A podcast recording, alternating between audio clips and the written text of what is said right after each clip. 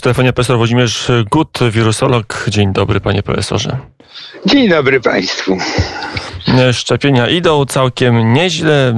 W zeszłej doby 308 tysięcy. Już przywykliśmy do tego, że czasami nam się udaje 300, granicę 300 tysięcy przekroczyć, ale są obawy, że ten rezerwuar się kończy. To nie dlatego, że system jest niewidolny, że szczepionek brakuje, tylko że chętnych za chwilę zabraknie. Pan profesor się tego obawia?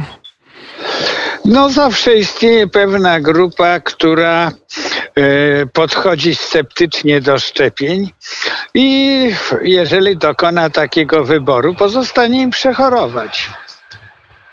E, ale jak długo przechodzić i jak często i e, czy przypadkiem nie namawiać ludzi bardziej aktywnie, jak na razie chyba do każdego już dotarła informacja, że może się zaszczepić, że może to zrobić darmowo, ale jak pokazują statystyki, e, w co trudno było mi przez chwilę uwierzyć, aż połowa 80-latków cały czas jest niezaszczepiona albo jeszcze czeka jakimś cudem na swój termin, bo mieszkają w małej miejscowości, a tam dystrybucja jest wolniejsza, albo w ogóle nie została zarejestrowana i w ogóle nie chce się szczepić. No, generalnie problem polega na tym, że do szczepienia zmuszać nie można. E, szczepienia są obowiązkowe do ukończenia 19 roku życia.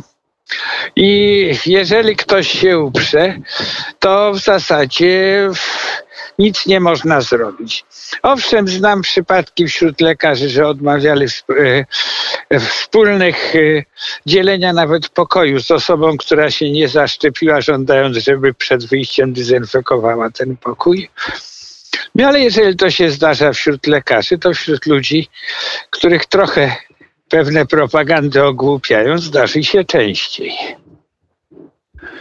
Mm, I teraz e, będzie problem, nie można e, zakazać, ale to może, że nakazać, to może można czegoś zakazać osobom niezaszczepionym. Może to jest droga, no, to jest w Radzie Medycznej już się oczywista. rozpatruje takie a oczywiste, to już jest jasne, że e, będą No to jest jak z prawem dla... jazdy. siadając do samochodu, muszę mieć prawo jazdy. Nie pyta się mnie nikt, czy ja umiem jeździć, czy nie, tylko czy mam prawo jazdy wchodząc w określone warunki, czy wyjeżdżając za granicę, czy gdzieś, będzie pytanie o szczepienie.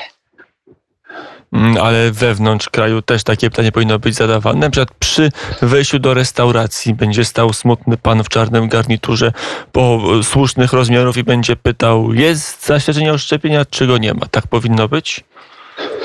No, jeśli od tego będzie zależał byt e, restauracji, to tak. Mm, ale żeby zależał, to jak rozumiem, musi być jakiś mm, nakaz albo, mm, albo, albo rozporządzenie rządowe. Interesuje, interesuje mnie tak całkiem na poważnie, bo my musimy wyszczepić ile milionów Polaków, żeby uzyskać tą, brzydko mówiąc, odporność stadną jako społeczeństwo, panie profesorze? 32 e, miliony, dopóki nie bierzemy się za dzieci.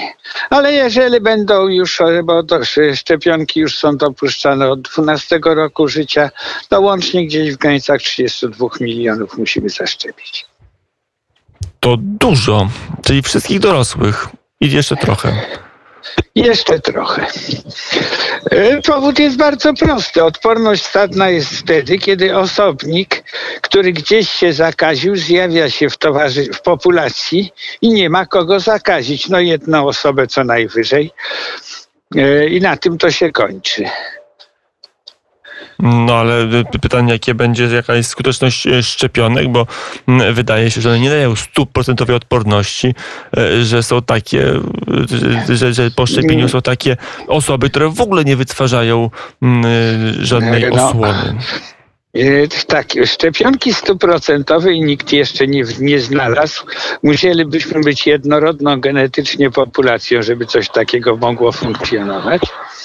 Ale wszystkie dane na niebie i ziemi wskazują, że 90 e, parę procent po pełnym szczepieniu może być uodpornione.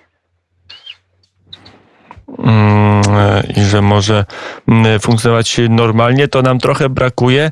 E, I, i co, co teraz robić, panie profesorze? Czy Rada Medyczna przy premierze już ma pomysły, co robić, żeby ten pułap 32 milionów zaszczepionych mm, osiągnąć? Jak mamy pierwszą dawką raptem 10,5 miliona. No, e, nie jestem w Radzie przy premierze, jestem głosem tak zwanym niezależnym, więc mogę spokojnie odpowiedzieć, że po pierwsze, e, e, przyjąć to, co przyjmuje Europa, czyli tak zwaną zieloną kartę. Po drugie, leży również w rękach pracodawców to ich prawo zabezpieczyć e, funkcjonowanie własnych instytucji. A wiadomo, że jeżeli zdarzy się przypadek, to cała e, grupa niezaszczepionych pójdzie na kwarantannę i może się dla instytucji źle skończyć.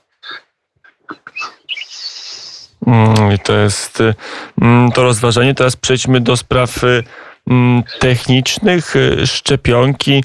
Mm, teraz Kanada ma problem ze szczepionką marki AstraZeneca. Y, na ile ta zakrzepica, bo to znowu jest ten sam wątek, mm, jednak powinna być rozpatrywana, bo to wraca, to cały czas wraca i ja nie wiem, na ile to są e, tylko ruchy biznesowe, a na ile to są niepokoje medyczne.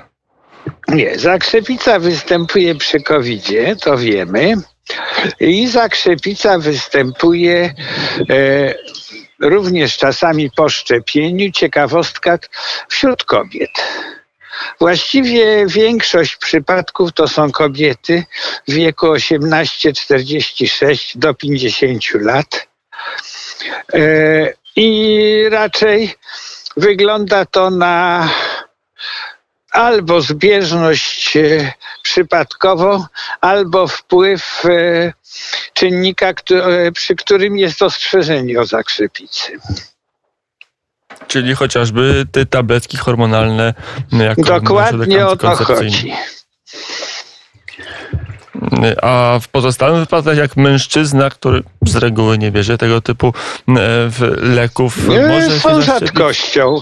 Oczywiście zakrzepica występuje również w populacji, no i wcale nie występuje znacząco częściej niż y, po szczepieniach. No ale przyjmiemy do wiadomości, że jak wyszczepimy wszystkich, to zakrzepica też będzie występowała, bo i tak występuje. A skuteczność szczepionek, jakie mamy informacje z tego frontu, pojawiają się różne. Izraelska prasa pisze, że Pfizer jest mniej skuteczny na nowe, e, e, nowe mutacje wirusa. Inni mówią, że AstraZeneca ma mniejszą skuteczność. Jaka jest prawda, panie profesorze? E, prawda jest taka, że wszystkie szczepionki bazują na tej samej sekwencji białka S. Dokładnie. W związku z tym rozważania tego typu e, stanowią trochę element wojny między koncernami, trochę różnych innych dodatkowych elementów. E, oczywiście przy wektorowych szczepionkach może się zdarzyć, że dany osobnik miał już kontakt z wektorem. I wtedy wektor nie dotrze po prostu do miejsca, gdzie powinien dotrzeć, bo zostanie wyłapany przez układ odpornościowy po drodze. Ale to jest e, powiedzmy e, w procentach. Zależy zresztą i od populacji, od e, różnych innych zdarzeń. Dotychczas nie przy covid ale zdarzyło się to przy jednej ze szczepionek, którą opracowywał Oxford, no już parę lat temu, gdzie na małpach działała świetnie, a u ludzi nie, bo w populacji był wirus e, i ta populacja miała z nim kontakt wcześniej. Ale mówię, to nie, nie w tym leży generalnie problem. Problem leży w tym, że mutacje dotyczące białka S nie mogą zajść w jednym, jedynym miejscu, bo to by skończyło karierę wirusa, czyli w miejscu łączenia się receptora wirusa z komórką. W pozost- no i jeszcze w drugim, gdzie białko S jest połączone z cząsteczką wirusa. Te dwa miejsca są dla mutacji zakazane. Reszta to już jest mechanizm, który wśród wirusów RNA jest bardzo popularny i mutacje się zdarzają. A nie powinny mieć wpływu takiego, jak niektórzy im przypisują, właśnie z tych dwóch powodów.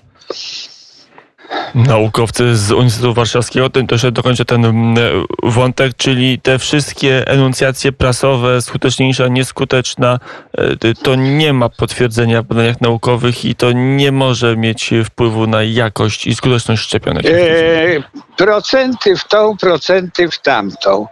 To są e, różnice e, wynikające, tak jak powiedziałem, i z podłoża genetycznego. Nie jesteśmy populacją jednorodną genetycznie. Z faktu, że e, nie zawsze udaje się idealnie zaszczepić. Od czasu do czasu szczepionki potrafią tracić swoją wartość, szczególnie te, które wymagają bardzo restrykcyjnych warunków.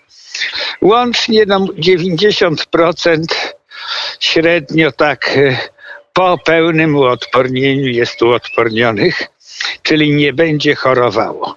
Bo tu trzeba wyraźnie powiedzieć, że e, szczepionki chronią przed chorobą. I chronią przed szerzeniem choroby, ponieważ e, zdrowi nie zakażają. Mm, I to jest y, jasna deklaracja i to jest oczywista prawda. No dobrze, pani profesor, jeszcze na koniec e, kwestia obostrzeń i poza szczepieniami. Różne były akcje, były maseczki, był dystans społeczny, e, były lockdowny. Wydaje się, że teraz przy ładnej pogodzie e, Polacy trochę jakby o tym zapomnieli. Naukowcy z Uniwersytetu Warszawskiego wystos taki model napisali, że to otwarcie szkół plus to zwiększenie dynamiki społecznej może zaowocować, że trzecia fala, którą w tej chwili mamy, może co nieco przyspieszyć i mm, się jeszcze rozkręcić w czerwcu dopiero wygaśnie w lipcu, jak e, dzieci już nie będą do szkół chodzić, na, na jesieni będzie czwarta fala. Też pan profesor tak to przewiduje, że my te fale będziemy za chwilę liczyć już nie w liczbach, a w cyfrach? E, fale się pojawiają wtedy, kiedy jest niewłaściwe zachowanie. Trzeba pamiętać, że podstawą jest dystans. Tam, gdzie nie ma dystansu, dopiero jest barier, podstawą bariera fizyczna. E, drugim elementem to jest również fakt, że młodsze osoby mają łagodniejszy przebieg, ale równocześnie mniejszą zdolność zakażania. Całkiem niedawno, kilka dni temu się ukazał taki artykuł analizujący w Stanach zakażenia w grupach wiekowych. E, osób, które wchodziły w kontakt z wirusem, to znaczy z osobami zakażonymi. Okazało się, że szerzenie w grupach młodszych jest prawie cztery razy mniejsze niż tak do 12 roku życia, niż e, powyżej 16. No bo wiedząc, że dzieci nie były szczepione i szczepionek jeszcze nie, to było przed dopuszczeniem szczepionek, trzeba było dowiedzieć się, jak wygląda przenoszenie, czy przypadkiem nie okaże się, że dzieci staną się głównym źródłem zakażeń okazuje się, że znacznie słabszym niż e, początkowo twierdzono. Mm, e, I, e, I to jest jakiś, jak rozumiem, przyczynek do tego, aby jednak przedszkola przynajmniej zostały cały czas otwarte. Nie wiadomo w jakiej fali byśmy byli. No, jeżeli to jest bardzo masowe zachorowania, tak jak mieliśmy powyżej 20 tysięcy, to ryzyko się rozszerza. Bo nawet powiedzmy, że e, mniejsza liczba zakażonych e, dzieci, e, jednak te, tą chorobę rozniesie również na dorosłych. Ale teoretycznie personel szkół został zaszczepiony. W związku z tym tu nie powinniśmy się obawiać. No, poza tymi, którzy nie chcieli. E, a dzieci stanowią jednak dość, przynajmniej te młodsze, zamknięte grupy. To nie jest młodzież, która później po szkole ląduje na dyskotekach czy na innych terenach, gdzie miesza się i może dojść do szerokiej zakażeń. Mm, e, czwarta fala jest nieodzowna, bo jest taka nadzieja nawet w, u mnie, że zaszczepienie, wyszczepienie tych 30 milionów ludzi i mówimy pandemii do widzenia, a nawet mówimy jej żegnam. E, to znaczy do końca żegnaj nigdy nie powiemy, bo jeżeli wirus wszedł środowisko, to on nim zostanie. Ale będzie to jedna z chorób, które już nie będą takimi falami, jeżeli można to określić, po każdych świętach czy imprezach się pojawiały. Tylko będzie to e, pewna grupa sporadycznie przywleczonych z zewnątrz nawet zakażeń, bo żeby sobie poradzić, to musiałby poradzić cały świat.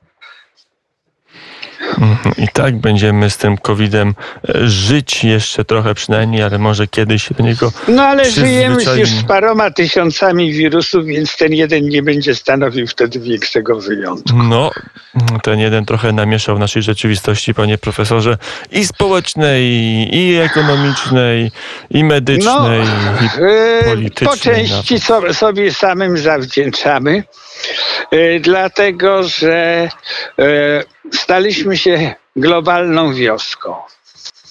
I sami rozciągamy sobie po świecie to, co kiedyś było lokalne, albo wręcz prowokujemy, chociażby kochając zwierzątka egzotyczne, w których nawet nie wiemy, co się znajduje. No, już była taka pandemia, co przyjechała ze szczurami mm, do Włoch, a potem zdziesiątkowała ludność Europy. Ten wirus był znacznie mniej dokuczliwy niż y, dżuma, czarna śmierć, ale kto wie, Bill Gates mówi, że jeszcze najciekawsze, to mówię w dużym cudzysłowie, przed nami. E, profesor Allen ciekawe, za nami. Profesor Włodzimierz Gut był gościem popołudnia wnet. Panie profesorze, dziękuję bardzo za rozmowę. Proszę bardzo, kłaniam się.